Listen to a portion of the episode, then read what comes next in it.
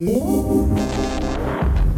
hører på Bitpod, en podkast av BIT Teatergarasjen.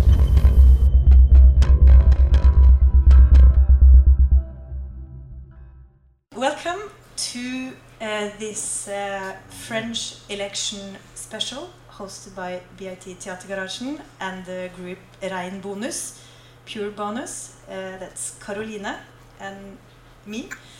Um, today uh, or tonight, um, we will uh, have uh, a whole evening together, I hope, starting with uh, this event, and then we go to Studio Bergen to the Superamas Vive l'Armée performance. So some of them, some from the company are present, and I guess they like to see you all later as well.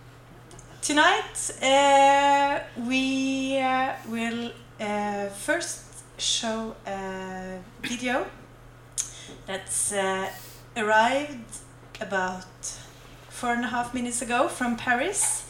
Uh, it's the artist group uh, Alt Cobra, Bra, Tout va bien, uh, who has made um, a video for you. I will read an introduction. I have a.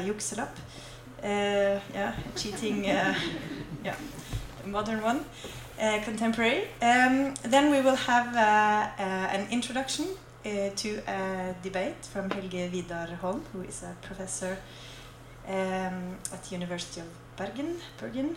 Um, and then we will have a debate.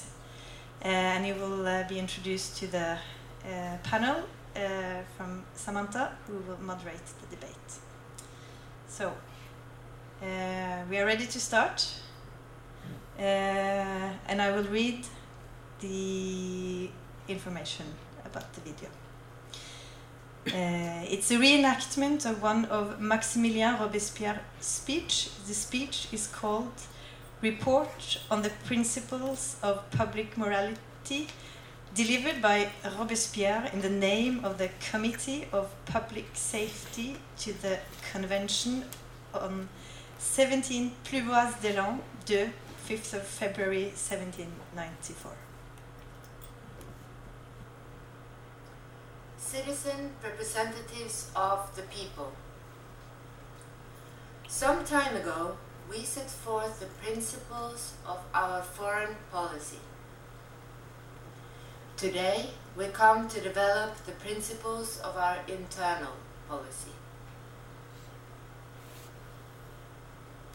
What is the goal towards which we are heading? the peaceful enjoyment of liberty and equality, the reign of that eternal justice whose laws have been inscribed, not in marble and in stone, but in the hearts of all people, even in that of the slave who forgets them, and in that of the tyrant who denies them.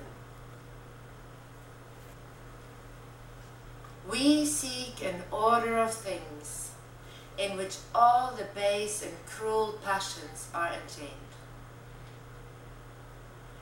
where distinctions are born only of equality itself, where the citizen is subject to the magistrate, the magistrate to the people, and the people to justice where our country assures the well-being of each individual and where each individual proudly enjoys our country's prosperity and glory. Where every soul grows greater through the continual flow of republican sentiments and by the need of deserving the esteem of a great people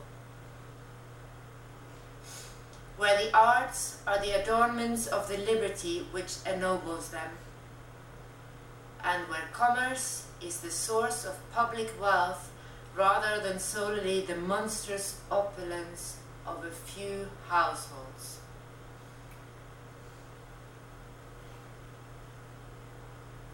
In our land, we want to substitute morality for egotism. integrity for formal codes of honor, principles for customs, a sense of duty for one of mere propriety, the rule of reason for the tyranny of fashion, scorn of vice for scorn of the unlucky, self respect for insolence, grandeur of soul for vanity, love of glory for the love of money, merit for intrigue, genius for wit, truth for glamour, the charm of happiness for sensuous boredom, the greatness of man for the pettiness of the great. A people who are magnanimous, powerful, and happy for a kindly, frivolous, and miserable people. Which is to say, all the virtues and all the miracles of the Republic, for all the vices and all the absurdities of the monarchy.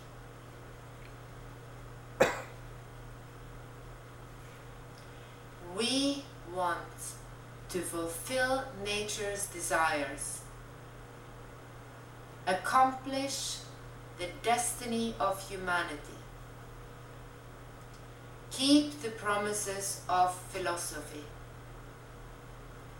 absolve providence from the long reign of crime and tyranny.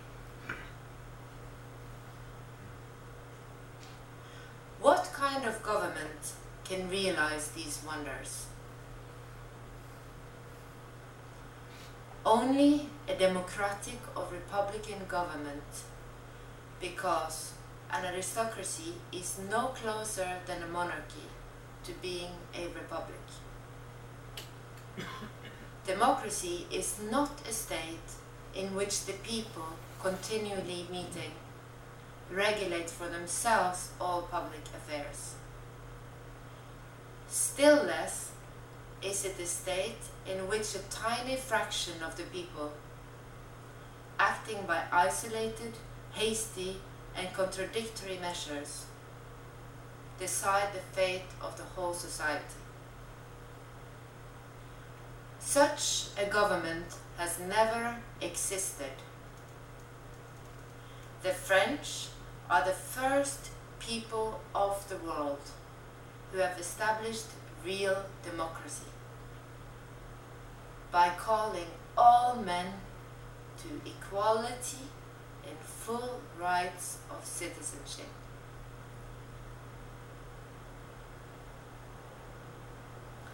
What is the fundamental principle of popular or democratic government?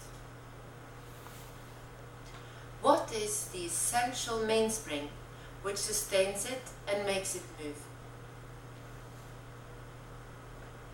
It is virtue.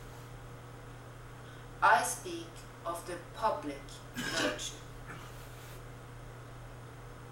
Republican virtue is necessary in both the government and the people. When the government alone is deprived of it, there remains a resource in the virtue of the people. But when the people themselves are corrupt, liberty is already lost. Happily, virtue is natural to the people, despite aristocratic prejudices to the contrary.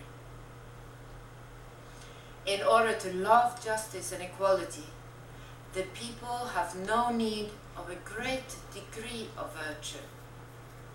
It suffices that they love themselves.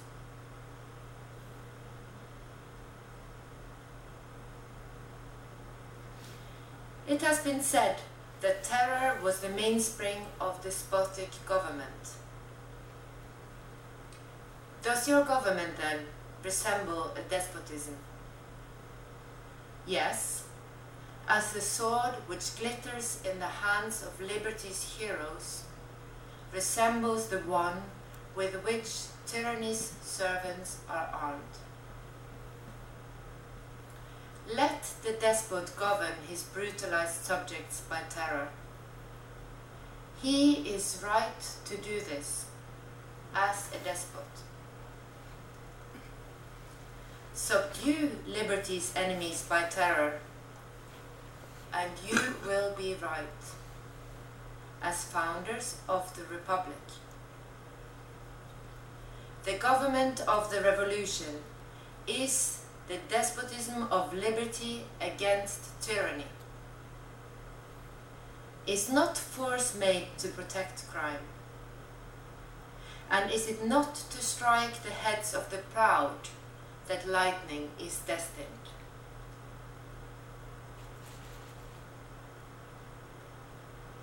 Nature imposes upon every physical and moral being the law of providing for its own preservation.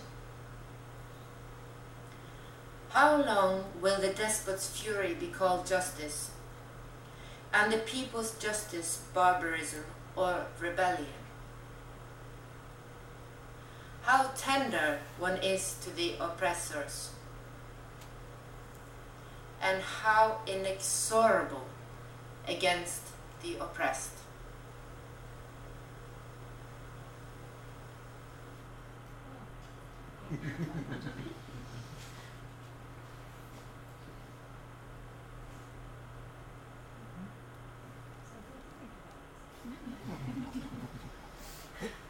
So we will get uh, other things to think about as well when we invite Helge Vidar Holm to have his introduction to the debate.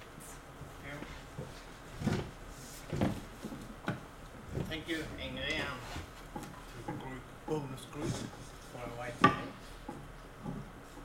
Do I use this one, uh, the microphone? Do you want to Hello? Okay. Normally I don't. Normally I don't need one, but I'll use it as it functions very well, I think.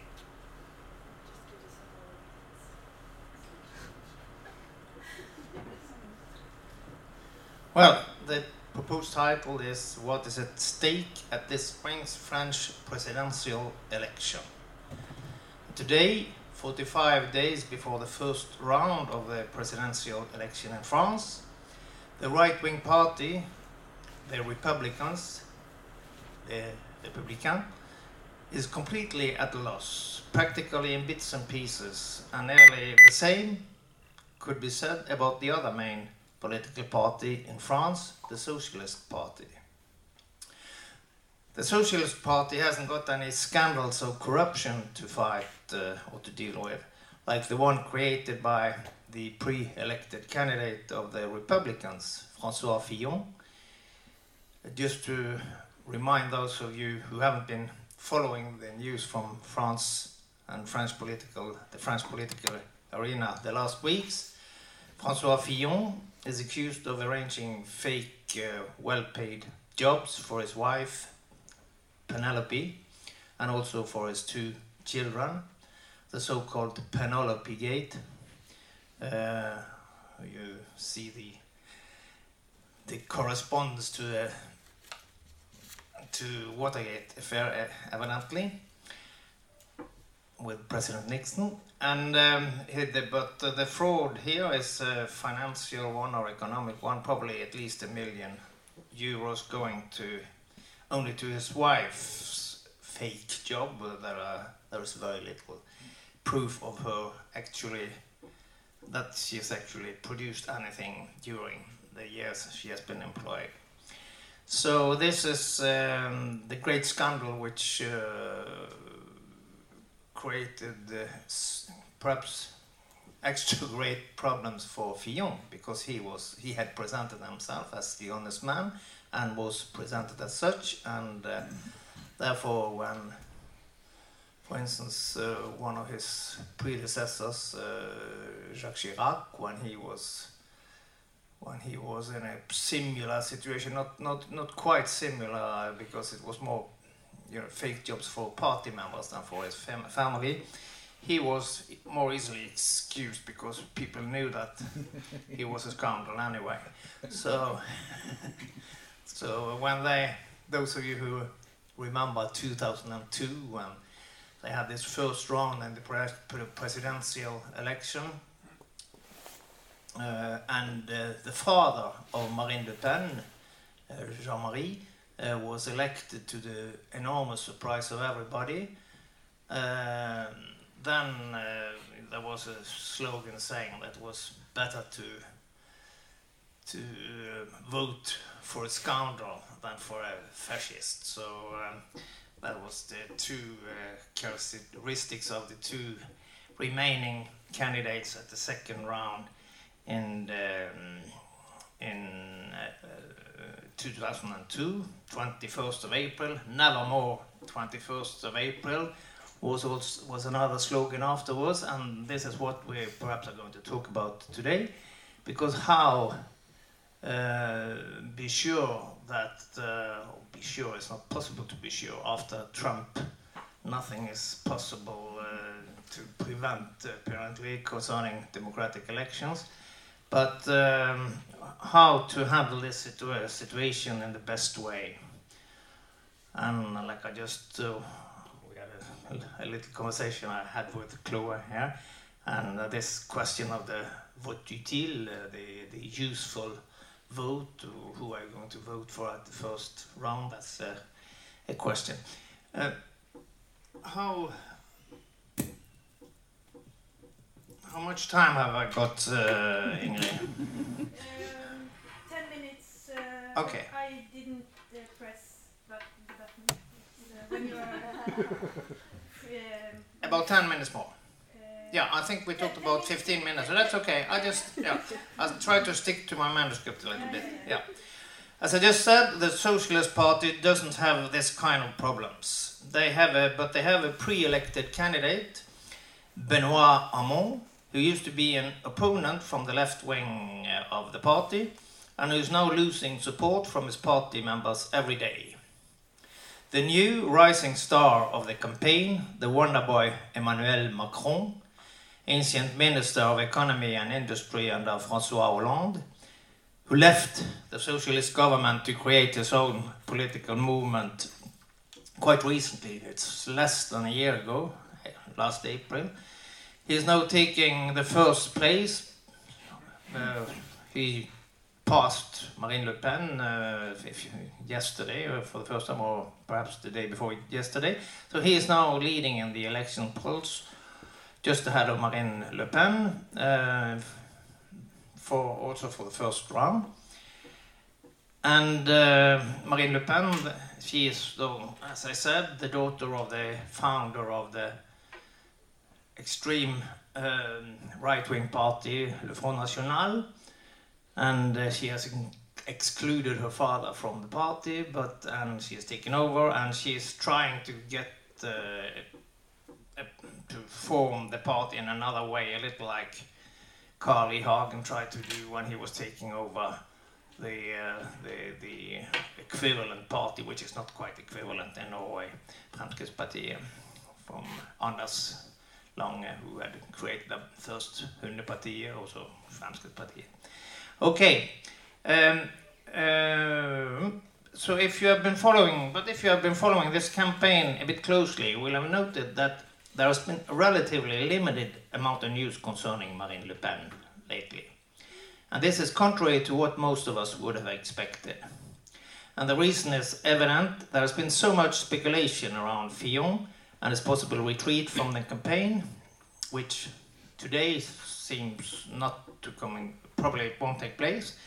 Uh, that the main issues at stake in the coming election have been more or less overshadowed by the scandal linked to the allegations of fraud and misuse of the taxpayers' money, as they say. And the case is worse for Fillon than for Marine Le Pen. Both of them are accused of economic fraud, but uh, Fillon has let his own close family, wife and children profit, whereas Marine Le Pen has misused subventions from the European Parliament to pay her party secretaries and assistants, and thus let her political party profit by her alleged fraud. Well, now what is really at stake at this spring's French presidential election? I want now to pinpoint two main issues, one constitutional and the other mainly political. The other one is the climate issue. But let me first let me start by the constitutional issue, which is the question of separations separation of powers in a state. Uh, the separation of powers is a or principle of separation of power power is a model for governance of a state. Uh, under this model, the state is divided into three branches, each with separate and independent powers and areas of responsibility, so that the powers of one branch are not in conf conflict uh, with the powers associated with the other branches. And the typical division of branches is into a legislature, those, a parliament, an executive, the government, and a judiciary, like the, the judges, the law courts. And uh, separation of powers refers to the division of responsibilities into distinct branches to limit any one branch from exercising the core functions of another. The intent is to prevent the concentration of power and provide for checks, uh, possible checks, and to keep a balance. Now, what happens in France is that neither the conservative candidate Fillon nor the candidate from the extreme right, Marine Le Pen, respect the uh, decisions of the third power, the judiciary, especially when these decisions um, imply, or the decision from the law courts and judges imply themselves. And not only do they not respect the judiciary power, they attack openly the judges, accusing them of politically biased actions and and uh, to be instructed by the actual government. It's just the same thing as we've seen Donald Trump do lately concerning the alleged wire, wiretapping tape, uh, tapping reports that he accused uh, Barack Obama of, for having instructed to be executed against himself, Donald Trump, during the presidential campaign in the USA. So Trump, Le Pen, Fillon, we say, see the same disregard for the, uh, regarding the principle of separations of powers. And we also see clear disregard for what is called the fourth branch of power, most commonly referred to as news medias, especially print journalism or the press. We know what President Trump has repeatedly said about the press, and we find the same accusations and, and uh, the disrespect in the campaign statements from both Le Pen and Fillon. But this fourth power is not an officially recognized and constitutional branch of power. Uh, and this uh, system, as probably some of you know, comes, uh, well, there are several traditions, but at least uh, one important philosopher was the Enlightenment political philosopher Baron de Montesquieu in uh, L'Esprit des Lois, or the Spirit of the Laws, in 1748. He described the separation of the political power as the ideal among a legislature, an executive, and a judiciary. And he did actually specify that the independence of the judiciary has to be real, not apparent merely. At the time, the judiciary was generally seen as the most important of the powers uh, concerning independence. And according to the constitution of the Fifth Republic, which is the state form and the for the, constitu- the constitution for the state, French state since 58, since the, uh, well, the Fifth Republic, um, it's divided up into these uh, three branches I've ma- mentioned. And there are several problems now, and which have been sort of uh, more evident this, according to many uh, many uh, journalists and, and uh, other people, it's been a great problem this year, this campaign, and this is um, the possibility of parliamentary privilege, which is a sort of legal immunity for enjoyed by the members of of uh, a legislature uh, or, or a parliament. Uh, you are protected against uh, uh, against uh, persecution for for criminal liabilities for action actions or statements actions done or statements made in the course of your legislative duty. It's also called parliamentary immunity. And as we have now the Parliament, the European Parliament for the members of the UA, the the the EU, um, uh, European Union, we have Marine Le Pen. She uh, that's the reason why she doesn't want to meet her judges, so well, just refuses to, to to talk with them and to answer the the allegations because she has this immunity.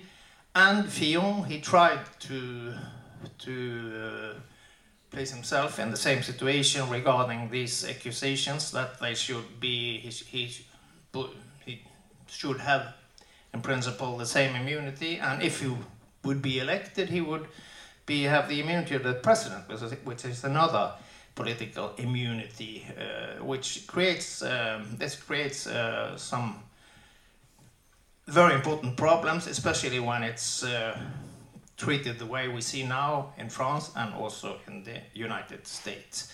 Well, I'll stop there for the constitutional issue and uh, just mention uh, five minutes perhaps on the other issue which I would take up uh, now, the climate question, which is important um, evidently for the future of the planet Earth and for us all, but it is not really a main issue so far in the presidential campaign in France. Uh, but anyway, this uh, an issue which should be mentioned, and I'd like to discuss it because um, there are uh, things happening. Well, there's been a, a, a collaboration now between uh, Benoit Hamon, who is the pre-elected socialist uh, candidate from the Socialist Party. There are two socialists, uh, import, two important. We have also Mélenchon, who is further to left and outside the, the party. But he is the member of the party, and he has been he has now terminated his negotiation with Yannick uh, Jadot, who was the candidate from uh, the uh, uh, Ecological Party or the Greens, the Europe Ecolo, Ecologie, Les Verts. And so he and his press program is really very close to the ecological party's program. So he is representing this issue. But the problem with Hamon is I just read somebody who said it's the same problem that uh, the Pope uh, Francis has got. Most of his supporters are outside the Vatican. And most of the supporters of, of, uh, of, uh, of uh, Benoit Hamon, they are outside the uh, Socialist Party because he is representing an ideology which is pres- it's nearly the contrary of what has been the ideolo- ideology ideology of the Socialist Party, just as the Labour Party in Norway, which means that you have had an idea ideology of growth, economic growth, uh, industrial growth, and um, that the consequences we've seen that in Norway with our oil petrol politics and and um, the consequences are only taken into consideration when really they have to. They have never been uh, sort of uh, going uh, in, in the front uh, in uh, ecological questions. So Benoit Hamon, he is quite isolated in his uh, socialist party, and the situation is that um, that um, Macron, Emmanuel Macron, who was a member a few years of the party, and then he was a minister under under uh, Hollande, as I said, and uh, he is no longer a, a, member, but he is trying to be in the middle, in the center, a bit, a little bit to the right, a little bit to the to left. He has a background both as a, a finance uh, man and a philosopher, So he is, uh, and he he has had an incre- incredible uh, rise in his popularity and in, his um, in, in in the polls, telling who are going to vote for him. But his program. Ecolo- yeah, I'll, I'll stop there. Yeah, we can. I- I'll stop there because his program is very sort of paradoxical concerning ecology. It's, uh, but he is more close to the actual socialist party ide- ideology than Hamon is, in my opinion. Okay, I'll stop there. I also thought I should mention this book. Some of you know this novel by uh, Houellebecq, uh, uh, uh, Submission, which is treating a situation not so very far from that we're going to see. Uh, uh, tonight, uh, well, tonight we're going to see a, a theater play where Marine Le Pen has been elected. This is not exactly the case, but it's uh, an imagined situation quite close. Okay, I'll, uh, or quite close. It's in a way it's the opposite, but it's the same kind of idea, uh, political uh, fiction. Yes. Yeah, it's Thank not you.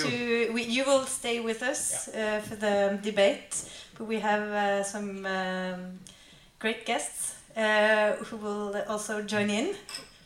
Um, and uh, Samantha, uh, Katarina, Øyvind, uh, and Chloe, can I invite you to the take part or sit here? And uh, then uh, Samantha, I will give you the microphone. Okay. Thanks for coming.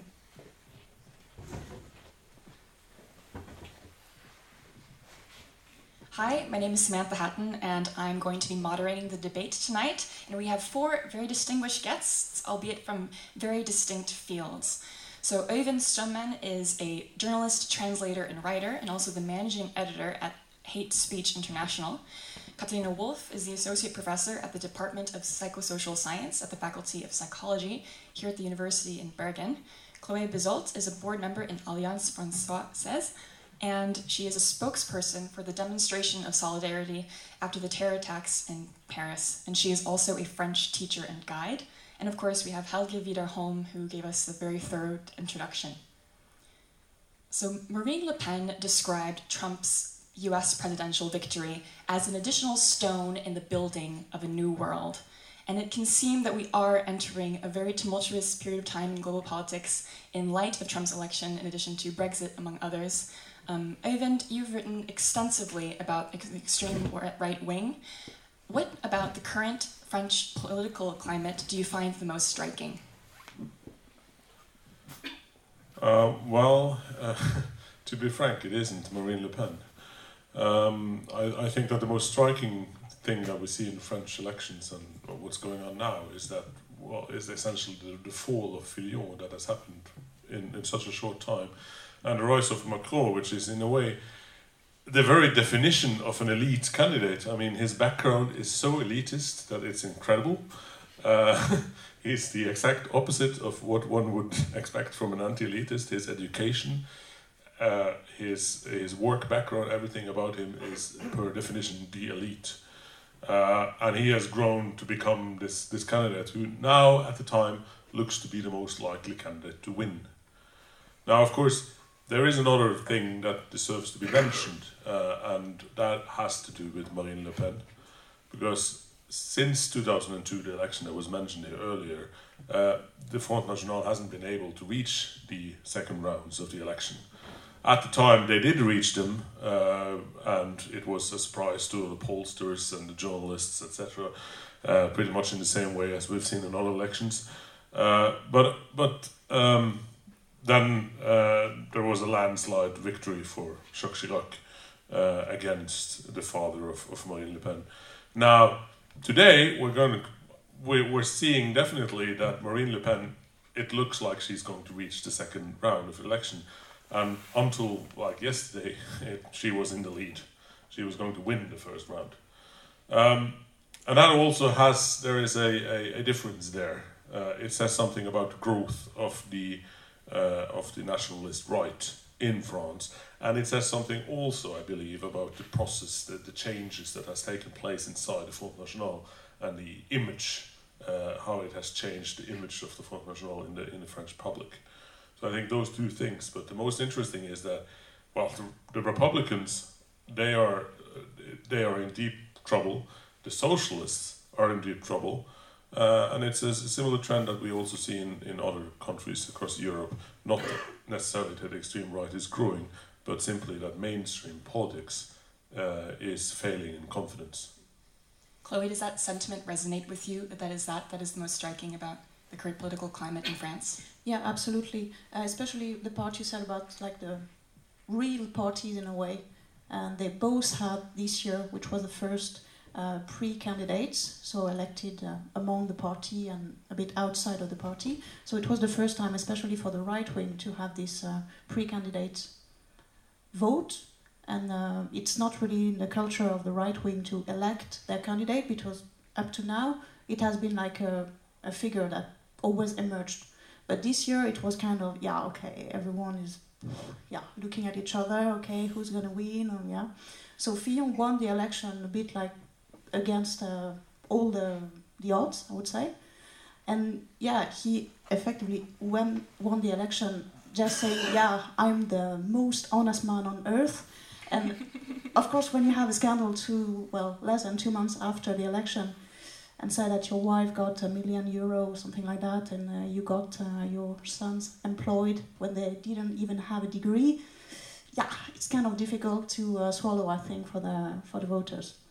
So that's uh, something quite, yeah, striking about this election. That at the end, the two guys who got elected with this primary system, they're actually the less powerful now. So you see that more and more French people don't really believe in the uh, old-fashioned politics, and they are more interested by alternative ways. Even though, yeah, as it was just said, uh, Macron is not exactly uh, an anti-elite guy. Far from that, and I mean Marine Le Pen is the same. Uh, she's come from a rich family, and uh, she's been, uh, yeah, she was born in politics, so it's not exactly uh, yeah an anti-elite candidate either. But I think most people are kind of fed up with the traditional political views in France and they want to get rid of the system. And yeah, the most obvious candidate to do that is Marine Le Pen. And uh, the thing which is quite striking is that she has been like, uh, if you see the opinion polls, she's been around 25, 26, even 27% of uh, intention votes for the first round, and it's been more or less stable for the past two months. And the most interesting about that is that they also ask people who want to vote for her, and about 80% people who say that they are sure that they're going to vote for her. While when they ask the same question, for example, for Macron or for Hamon from a Socialist Party, then it's about 50% of people say, yeah, okay, I'm going to vote for him, so maybe no, actually. But people who say they're going to vote for Marine Le Pen, they yeah they will most probably do it, and it is quite new because before, well, people were a bit um, yeah they didn't dare say I will vote for the National Front because it was considered as being something uh, yeah you should be ashamed of. But now people just say it uh, out loud, and uh, yeah, it's become a bit more common in a way. So it's um, yeah, it's not looking good. Um, I would say. And Marine Le Pen, she has been trying to distance the party from, or, and herself from her father's expressed opinions. For example, that he deemed the um, that uh, Nazi gas chambers were a detail of history. To what extent do you think that she has been successful then in distancing herself from this earlier image of the National Front? Yeah, I think uh, she, yeah, she has been successful with that. I mean, she was born uh, after the war. I mean, yeah, it's. I think yeah, most people now in the National Front, they, yeah, they have not forgotten, but I mean, it's not like the main focus uh, for voters. I mean, most of them don't care about that. And uh, yeah, as um, Helge said, uh, Jean-Marie Le Pen, he has been excluded from the party, even though he remained like uh, honor president. But uh, yeah, he's not really um, making the decisions anymore. So and he, he, was, con- he was condemned uh, just a couple of weeks ago again for that. In addition to the tumult that exists um, among the political parties, another important aspect of the election is unemployment. As 10, it stands at 10%, and it's France's eighth in among the EU member states. and one out of four um, youths under 25 years old are unemployed. Um, how do you think that um, impacts the current uh, discussion around the elections? Helge. Well, it's interesting that. Uh, sorry. It's interesting that uh, Francois Hollande, uh, four years ago, it was also a main issue. And he said that uh, if I'm not um, getting the cup to go the other way, I will not represent, uh, be represented uh, as a candidate once more. And what happened is that actually, with some manipulations and so on, they managed to to get the the, the curve inversed a bit. Uh, but anyway, as we know, he's, he he he uh, declared that he wouldn't uh, try to run for presidency again, and uh, this is in fact uh, very much a result of the uh, the problem of unemployment because uh, this is really something where he has been disappointing people, and there are many other issues and, and uh, things to be discussed uh, concerning Hollande, but but he hasn't managed to to to to to make the situation any better. And well, there was a, there's also this debate about the, the law of um, uh, of uh, for for uh, how to employ people and. Um, what they tried to do, and this is also from Macron. Huh? He he or he was uh, the minister at the time. They wanted to to uh, or they have voted a law which is going to make it much easier for employers to get quickly rid of people, to sack people, and um, evidently they also will be able to employ more people, uh, but the guarantee for stable uh, work will be uh, inferior. So uh, this is the problem. The the the um, unemployment situation in France is disastrous. It's very very serious, and it's not uh, getting any better. Whereas in Spain and in Portugal and so on, it's there it's getting even in Greece. It's getting better now, and and it's in France uh, really uh, that's a big problem. Yeah, France has had a very slow recovery from the 2008 financial crisis. In addition, Francois Hollande is actually the first president in modern history who is not running for a second term. So this is for all of you. How do you think that that aspect impacts the nature of the current elections? That he's not going to run again. Well, actually, I heard on the news. Well, not the news, but uh, yeah, on some TV uh, yesterday or this morning. I don't remember. Uh, yeah, it might be. He, he might be running, but yeah, it was more like a joke. Now, but I think he was uh, realist about uh, his chances to lose uh, ridiculously at the first round. So yeah, it was probably better for him not to run again. But yeah, of course, it says a lot when you are not even able to present yourself at the election. That yeah, you probably have uh, bad uh, yeah. Yeah bad. Support. yeah bad support yeah. But I mean uh, bad results at the end of uh, of your mandate and uh, but actually unemployment is decreasing a bit. Really slowly. And um, yeah, they said that for the first time uh, during the last year, there were a, yeah a lot of jobs created. I mean, uh, not as it was the first time since I think 2010 or something like that. How many jobs were created? Um, yeah, so it's getting better, but yeah, as you said, it's really really slow. So Uh, if I could say something, anyway, I think the fact that uh, Hollande is not re- present, uh, representing himself as a candidate now is a very good thing for Macron. Uh, I would say that uh, not only that, I mean, the scandal of Fillon is a good thing. The fact that uh, it was Fillon first and not Juppé who got elected, uh, pre-elected at the, the first, uh, uh, or when the, the Conservative Party had their pre-election. This was very important. So everything is going uh, in a favorite direction for Macron at the moment. Uh, he is, he is, also the fact that um, is very, cr- very much criticized by uh, the center and the right wing of the Socialist Party. He's got. We should perhaps talk about uh, him a little bit because he's got uh, quite new ideas. He, he's quite. Uh, it's not only that he is an uh, ecologist, but he is also uh, he has this idea about an income for everybody if you work or not. Uh, well, he's been revising it a few times, uh, and uh, yeah, yesterday also. But anyway, the idea is there. It's uh, it's a thing they've tried in Denmark and in Finland too, for but uh, not on a large scale like they want. He wants to do it in France, and it's very interesting because it's really it's a new idea about how society functions. Is it necessary that everybody has a salary uh, or, or has, has a work uh, earning money, etc. And this is a discussion which could have been very interesting, but doesn't seem to to really come on as a, an important uh, discussion in in France. Now it's been so uh, it's it's a pity with this uh, Fillon thing because uh, the serious debate is not there. And, and then I wanted to to put forward another point perhaps you will mention it too, but there is an election, parliament election in June coming up.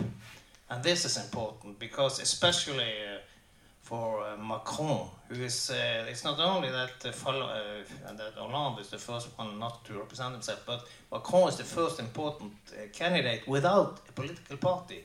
He created a movement hardly a year ago, which has grown, they have 200,000 members or something, more than that but um, he tried, I read uh, Le Monde a few days ago, he is now really working seriously to have a majority of the 577 seats in parliament.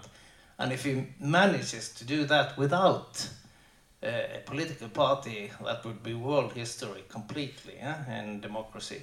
So in modern democracy. So that's because I mean Trump, he's got the party behind him, and and but Macron, he has just got a movement which uh, includes people from uh, from the right uh, political side and, and, left, and very many people from civil, uh, from just uh, normally business life and so on. That's really fascinating. Another important issue that's taken up in the elections is terrorism, and since January 2015, um, two, 320 citizens have been killed through terrorist attacks. Um, and also, France is still in a state of emergency, which has been extended until July 2017. And Katarina, you have done extensive research um, studying the psychology behind fear for terrorism and how that's subject to change. Could you elucidate on that a bit more?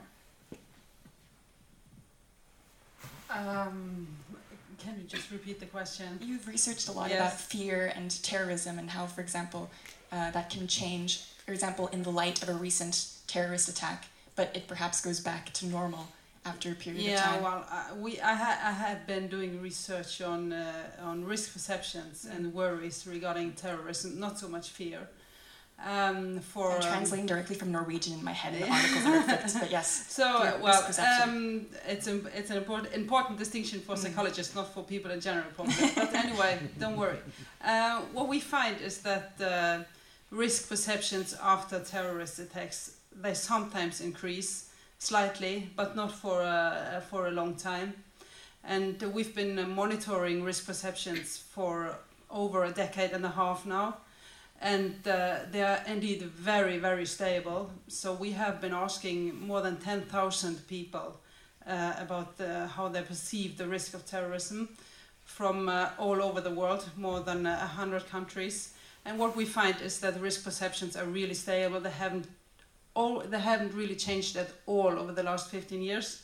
So we ask people every year and they give us the same number, like how high is the risk this year? This year they give the same number. Then we ask them, is it more risky this year than last year? And they all say yes. So none of us is more afraid, but we all believe that we were less afraid last year so this is really, I mean, terrorists are not really successful in scaring us, right? But they're making us believe that we were la less scared last year. So I don't really know whether to laugh or cry about that. But still, and we, we have also experimented a bit with how different sorts of terror affect people's risk perceptions. And risk perceptions are not always increasing. Um, they are not increasing if the terrorism is hitting a destination where terrorism is very frequent. But if, it is, if terrorism is hitting a destination where terrorism is infrequent, which it traditionally has been in France, then risk perceptions may increase slightly, but not a lot and not for a long time. but they only increase if the terrorism is perceived to be organized, which it is in France. But after the Oslo massacre in Norway, for example, we found that risk perception actually decreased. In 2012, people said that Norway was safer uh, than before the attacks, and risk perceptions for the first time. I said they were stable all the time, but in 2012 they actually dropped. Mm. But also that had to do that he wasn't, uh, Breivik was not um, involved with an organization. He was seen as a lone wolf type of figure. Yes, have you read my article? that is the, the gambler's fallacy, that people have the idea that if random events hit, uh, random events that are extremely seldom, that this by itself will decrease the probability of the same event mm. repeating itself.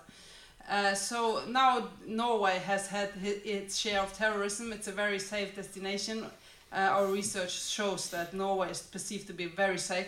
So then something happens. That must mean that uh, there will be a long time before it's happening again. Uh, but this is only in cases where the terror is unorganized, right? Where it's a random phenomenon. So um, terrorists are not always achieving what maybe common sense will tell us uh, is happening. So, and what we also find is that um, people in the West, they generally perceive their home country to be safe. So we have measured risk perceptions for very many different countries, and all different nationalities agree, for example, that Norway is the safest country among the safest countries, and Israel and Turkey are among the riskiest countries. There's only one exception Israeli people believe that Israel is just as safe as Norway, and Turkish people believe that Turkey is just as safe as, as Norway. So while we might be thinking that oh France is really dangerous or, or Turkey is really dangerous, the people that live there they don't feel that. So um, really, terrorism is not affecting people's risk perceptions and fears very much. None of our res research shows uh, that it does. That is truly fascinating and. Also, it's, it's fascinating to consider the misconception that exists around that. People would assume that it would increase after numerous attacks. Yes, journalists always call me up after a terrorist uh, attack, and then they ask me, they tell me, now you have to come on this TV show or radio program and tell us how scared people are. and then if I tell them that they're really not very scared, then they don't never phone me back. So, yeah. Chloe, does that resonate with you, or how do you respond to that idea that the level of fear doesn't actually change among the people in France? Yeah, no, I think. Uh, yeah, I agree with that. It's it's so random in a way that uh, well, you know, it can always happen, but it could happen in Bergen or anywhere actually. So if you begin to fear, uh, yeah, you just stay at home and you don't do nothing. But uh, yeah, I don't think uh, yeah, I don't think people really fear terrorism in France. It's more like something, yeah, that here somewhere you say okay, it can happen, but it will most likely not happen but there are more i think um, yeah in terms of that type of risk people are probably more um, interested by security but not necessarily linked to terrorism like uh, daily security. Like the com yeah just maybe not thieves but uh, daily attacks or stuff like that. Like um, yeah. Mm-hmm. and how has uh, discussion terrorism impacted political discourse um, with consideration to the rise in Islamophobia, perhaps, even? Um, well, I, I, think first of all you have to you have to look at the responses. Uh, how do we react to terrorism, and that also is something that varies depending on who is the perpetrator. But when it's an organized group, uh, a very common, well, the easy way to respond is to have a military response. And we saw that after the terrorist attacks in France as well, that there was called for by the authorities a military response and they started bombing more, essentially, in Syria. Um, and it's a very easy response and it's very popular because you, you can say that, well, we're doing something, we're bombing, uh, so it's easy to sell. Uh, it's not very effective. It's not a very effective response.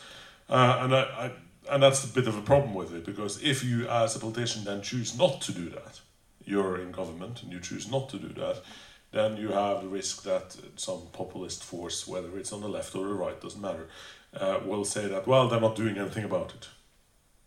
even though you are doing something about it. Maybe you're doing uh, more police work on it. Maybe you're uh, doing more campaigns to actually undermine the ideological foundations of the terrorists, etc., etc. But it's actually not working uh, in in the same way as the military uh, offense, because then you can see the planes going over the plants and bombing those bad guys. So there, there is an element of that which you have to take into consideration, and which is a challenge for any party that doesn't follow the populist uh, style. While for anyone who decides to go populist, it's easy to sell a message of we have to do something and it has to be clear and done like this. Now, of course, um, I would say uh, one of the things that actually do create fear of Islam as a religion or of Muslims as a religious group is extremist Islamist attacks.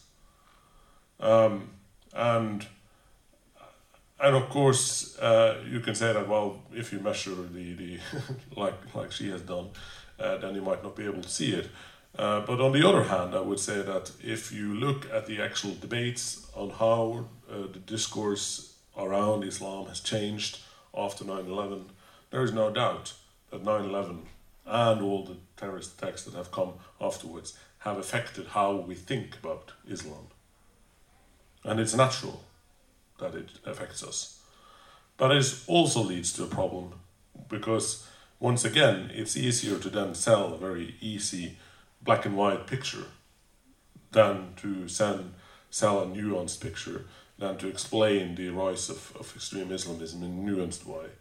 Uh, to explain the problems that they have in, in France, for instance, with so many foreign fighters going to Syria, or in Belgium, uh, where the numbers are relatively even higher. Uh, and then to be to be able to explain those phen- phenomena, you might have to go into lots of nuances, but the nuances don't sell. Black and white images sell. So there's there's there's uh, once again, this affects how we respond to terrorism, and it affects how the political forces are able to deal with each other in how they respond with terrorism. Because if uh, I was doing a populist campaign, well, I would certainly paint a black and white picture and I would say that we need to do something and we need to do something now. And those other guys, they aren't doing anything because they don't listen to the people. And with, with regard to that black and white portrayal versus a more nuanced portrayal, to what extent are you hopeful, or do you hope, uh, do, do you believe that we can see a more nuanced portrayal? Well, I'm not. A, I'm not an optimist. Uh, I, I try not to be an alarmist either. You know, uh, but what what worries me is that you have a, a growing anti-Muslim sentiment in Europe, and it can be explained and it can be understood. It's not difficult to understand why this is happening, and it has to do with, amongst other things, uh, terrorism. Uh, in France, it also has to do with the challenges from from Muslims towards French secularism, which is a very complicated affair uh, so complicated that I won't go into it. Uh, but there, there's there's lots of things that, that play into each other. Um, and, and of course, this also creates a feeling of being outsiders amongst young Muslims growing up in European societies. Because everywhere on, on the TV, in the newspapers, in debate forums, before theatre pieces, everywhere Islam is discussed. And everywhere Islam is discussed as a problem and if you are someone who grows up in a family, you might not be particularly religious, your parents might not be particularly religious, but that becomes your identity anyway. And it starts to define who you are as a person. And if you apply for a job, then you are the Muslim applying for a job. You're not just someone applying for a job, etc., etc. And this creates as well a better breeding ground for exactly the kind of ideology that then creates the problems that then will strengthen this phenomenon again, and then you can have a really a vicious circle, and and that's that's what worries me. And the different sides of, of extremism can actually strengthen each other, and play into each other, and and also the surrounding atmosphere around. Just little nublets maybe of, of extremism, but you have a surrounding atmosphere, and that also plays into strengthening on each side. So in France, you have, of course, you have extreme Islamism, but you've also had the growth of Génération Identitaire, uh, which is a, an extreme right wing group uh, and very activist and very sort of focused on being youthful and and speaking towards a young audience.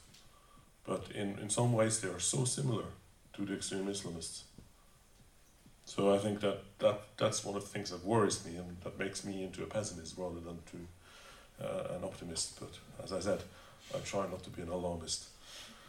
If I was Hungarian, then maybe I would be an alarmist. Helge, do you have anything to comment on that?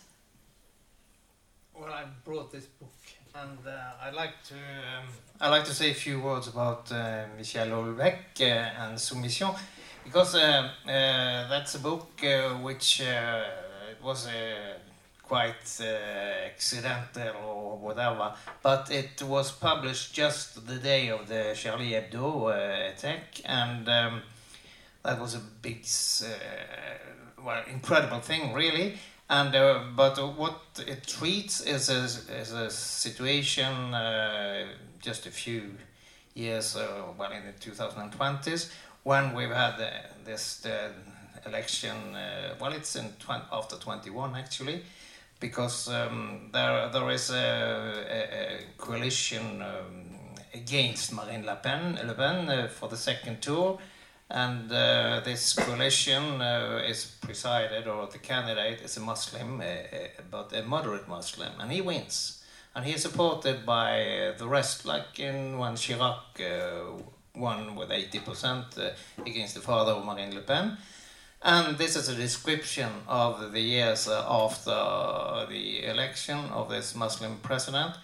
And um, it's very interesting to see uh, how uh, uh, really good novelist can make quite another picture than what we're talking about now. This terrorist, is, Islam as a terrorist phenomena is nearly not present in the book. You know, it's it's all the other aspects of uh, Islam, Islam, which is coming into uh, dialogue, one might say, or, or, or, or, or uh, influence the French society.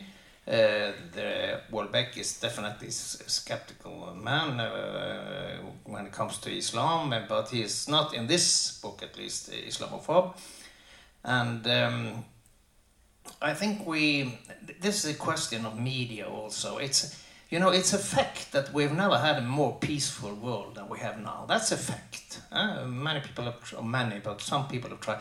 And uh, uh, Michel Serres, a French philosopher, he, uh, his latest book, he, he talks about the, the chance for being killed by terrorism is so, so, so minim, minim now that it's, uh, you could just as well be hit by a meteorite, you know. And uh, but as we read about every attack anywhere in the world, and we have some attacks close to us, so we've had in Denmark, we've had in France, and it's clear that the 22nd of July uh, in 2011 was uh, something uh, exceptional in Norway. But it was not a Muslim terrorist in uh, Utøya and are people getting more afraid of uh, right wing terrorists now than before? Why don't we ask this question? I think, Katarina, it was very interesting what you said about your, your uh, research and the results. And, um, and I think um, uh, the picture that we get from the press and from the daily Dagsrevyen television in Norway is quite another story than what is really the situation in our country and in Europe. I think, uh, and uh, a good example of that was uh, what's it called? This uh, American uh, film producer that made this uh, Bowling for Michael Moore. Yeah, Michael Moore. He showed just the difference between Canada and the United States when it comes to perception of what is dangerous in our lives or people's life. Whereas Canada, it was perhaps a very harmonious picture he made, but there people, you know, just didn't think of it at all. Whereas in the United States, that was a daily fare of some color person coming into your garden, and and therefore you need to have your own guns and so on. So this is a psychological question which is interesting, but um, I think we're very far from reality when we see what is uh, dominating the news um, and most of the our part of the world at least. Mm. Katarina, you illuminate on that as well in your research on how the chances are actually really low. I think I read that you, I read that you are more likely to be hit by a car, for example. Uh, you're much more likely to be hit by a car than uh, die in a terrorist attack. Actually, you're much more likely to drown in your tub. You're much much more likely. Each and every one of us is much more likely to commit suicide than to be uh, killed in a terrorist attack. Also, every woman is much more likely to be killed by their husband or ex-husband than to be killed in a terrorist attack. So if you want to really worry about something, then you should worry about putting on sunscreen or changing the batteries in your smoke detector, not about terrorism. It's really it's you don't have a chance. if you, if you try to get killed in it, you won't you won't make it. So.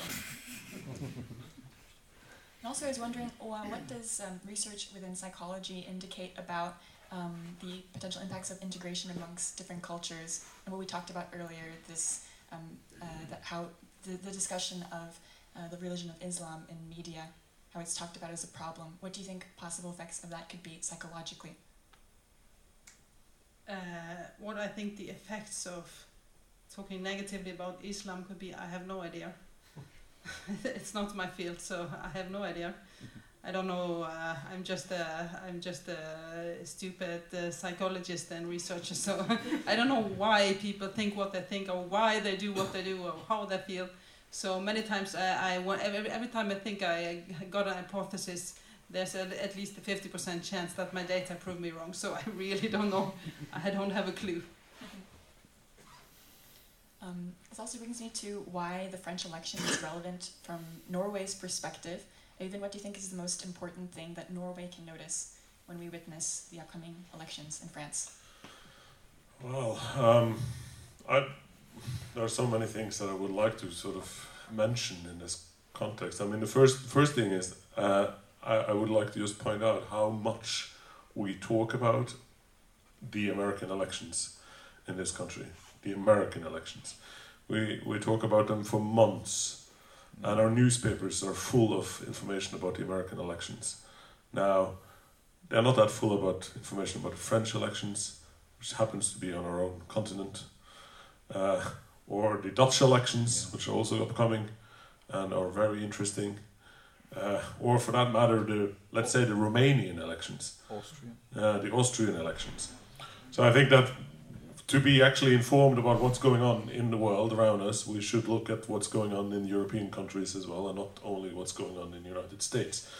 The United States uh, being a very different country from from us. Of course, France is different as well, but still, I I, um, I think in many ways we have a stronger relationship to France than we might realize.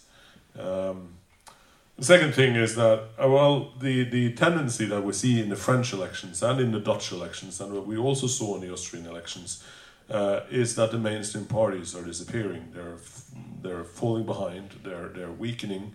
Uh, in in Austria, you had an election in the end which stood behind, between a guy from the, F, uh, the, the equivalent of the Front National, and uh, on the other hand, a candidate who was an independent but connected to the Green Party.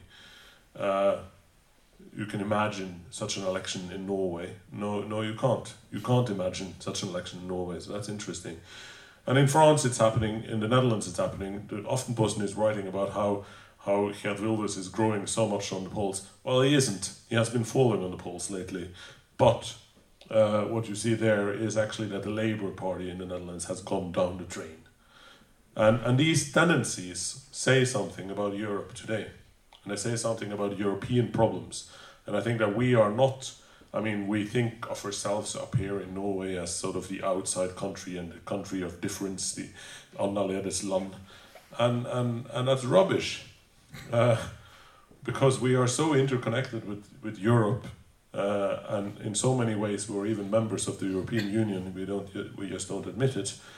Uh, that it's very relevant what's going on in France, and I think that we need to look at what's going on in France and in the Netherlands, and for that matter, in any other European country. I would like to see more about that in the media, uh, personally. Yes, uh, even mentioned uh, the European Union, and I think uh, we have to include some comments on on the fact that we've had a Brexit. Huh? We have a candidate in uh, in France who uh, wants the same thing for France, Marine Le Pen, and she is a strong. a referendum within six months in office. She said if elected. Mm, And uh, so, so this is uh, something which is more than just. Uh, well, we see it from outside here, even if we're very, very much interconnected with the the, the union. We are outside, and uh, but very much what we are doing, in France and on mine uh, or uh, or ecology. Uh, the French words are coming up. But any, anyway, the, the ecology aspect of the politics and so on is very much um, uh, dependent on the the uh, the the European Union's uh, rules and, and laws, and also the Paris conference we had a short time ago. And what's happening now is that um, we have this risk, and that's what I why I wanted to say or talk a bit about uh, this uh, this problem of ecology or of climate, because uh, let's say that um, Macron wins, which is probably going to happen is he because and he is not very much supported by ecologists uh, in Europe because he is uh, still for nuclear power and and well there are many reasons. His program is in my opinion not very good either. But anyway he's a devoted European and he wants the European collaboration to be stronger. And I think uh, concerning climate and that sort of thing the European Union has been a blessing, just as it's been for peace uh, in in uh, our uh, our continent and in the world. And I think this is very important. Not to forget that the one thing about the populist movement, movements everywhere, which we don't see so much in Norway, is this anti-European, this uh, nationalism, uh, which is very much reminding of what we had in the 30s in Europe coming back. And this is a very important issue because, um, uh, for instance, Norway, I mean, very many people on the left uh, side of the po or, or, political orientation uh, are against uh, membership in the European Union and so on. In France, it's really, it's, uh, well, it, you have it there too, but mostly the situation is different. And uh, well, I'll just uh, end by uh, saying what, Daniel Cohn-Bendit, uh, who was uh, one of the great uh, student leaders in 68, and he's been one of the great European uh, parliament members since then, as originally, well, he is from the Grünen, the, the, the, German party, but now he's also recently actually become a French citizen. And, and um, he says that whatever, we have to Uh, uh, when he when he demands uh, his uh, the, the, French people to vote for Macron, it's not for Macron's ecology or his political, economic, and so on, but it is for his his uh, will to cooperate over borders and to have a, a, a, uh, ecological policy which concerns the, the whole world. And this is what is, uh, is uh, dangerous with Marine Le Pen, for example. She, is not as uh, crazy in this, uh, on this subject as Trump and Carl I. Hagen, for instance, and says that no, human ac action doesn't matter. She says, yes, it does matter, and she accepts some scientific fact facts. But if she got the presidency, what will her collaborators do and how and how would the situation be in concerning collaboration over the national frontiers etc this is my uh, greatest worry in this uh, connection. Okay thank you. Chloe how do you respond to Helge's greatest worry? Yeah, no, I agree. I think uh, if uh, a disaster happened and Marine Le Pen was elected, uh, well, she would she would like to leave the EU, and uh, I mean France, well, or EU without France or France without the EU, one or the other, uh, that would be a disaster for everyone. I think the EU would just fall apart, especially now after Brexit. Well, even though the UK were already like a bit outside, it was not like France or Germany. But if you don't have any more France in the EU, that would be, yeah, I mean there is nothing left basically. So yeah, that yeah, that would be a disaster. And uh, yeah, I agree. And I even touched upon this earlier with not being an optimist while not being an uh, alarmist either. But Chloe, I was wondering, where do you stand in this when you consider the near future of France? Yeah, good question. and no, yeah, well, um, I don't know. Yeah, I was discussing earlier with Helge. I mean, uh, the first was in the first round is in forty five days. I still I have no idea who I'm gonna vote for because. Yeah. Yeah, well, I mean, in 45 days, uh, considering what we've seen for the last months and a half, a lot of things can happen actually. So I'm uh, not really looking forward to it, but uh, yeah, might be some new surprises coming up. Yeah, no, I don't know. I mean, um, yeah, um, I hope. Yeah, no, um, we'll see what happens. I have no idea, to be honest. it's just so uh, uncertain, and it's been like uh, yeah, really crazy so far. So I really have no idea about what's gonna happen next. But uh, yeah, I'm not exactly optimistic. I would say. How many will vote? Can you guess on that? Uh, well, that's actually a really interesting uh, question because, well, I think it's like 45 million people, uh, potential voters, and um, I've looked at the uh, the polls, the recent ones, and I think I noted that somewhere. Uh, yeah, so they they have asked potential voters, are you going to vote or not for the first round? And according to the polls right now, there is about 35 to 40 percent abstention for the first round for this presidential election, which is huge. It's like double the usual abstention. Usually, it's since 1981, it's been like 15, 20 percent. So presidential election is really the most important one in France. Everyone more or less votes, so you have about 80% of uh, voters to that election. But this year it will probably be like 60%. So yeah, we, I mean we don't know even that, but uh, if it's like that, it's it's already something quite significant to see that. Uh, a third of uh, potential voters just don't go or just write uh, something stupid on the on the road so that uh, yeah it doesn't count. That's uh, in itself quite uh, quite interesting and striking. And how what do you think explains that? Well um, yeah. Uh, people are kind of yeah depressed by the whole thing. And i mean just the last month uh, we heard about penelope uh, gate every day. Every day every day. So each day every hour there was a new something new coming up. So there has been actually no real discussion about politics for the past month mm. because everything was just under this Penelope gate. So no real discussion about the economy, security, or whatever. Education, ecology, yeah, that's uh, yeah low, low, low on the priority list right now. But uh, yeah, there has been no discussion at all. So I think everyone is just looking forward to just yeah forget about Penelope and uh, yeah, well, if Fillon is the candidate, then yeah, okay, why not? But just start discussing real problems. So yeah, I'm hoping that for the next 45 days there will be real discussions, hopefully, and it will motivate people to vote because uh, yeah, I mean that's the most important election for France. So if uh, forty uh, percent people just stay at home, uh, yeah, it's really bad. Did you have something you wanted to add, Even? Um, well, I think the interesting thing is, of course, uh, well, one thing is how many people are going to vote in the first round. Uh, that's interesting, but uh, I think it's equally interesting how many people are going to vote in the second round.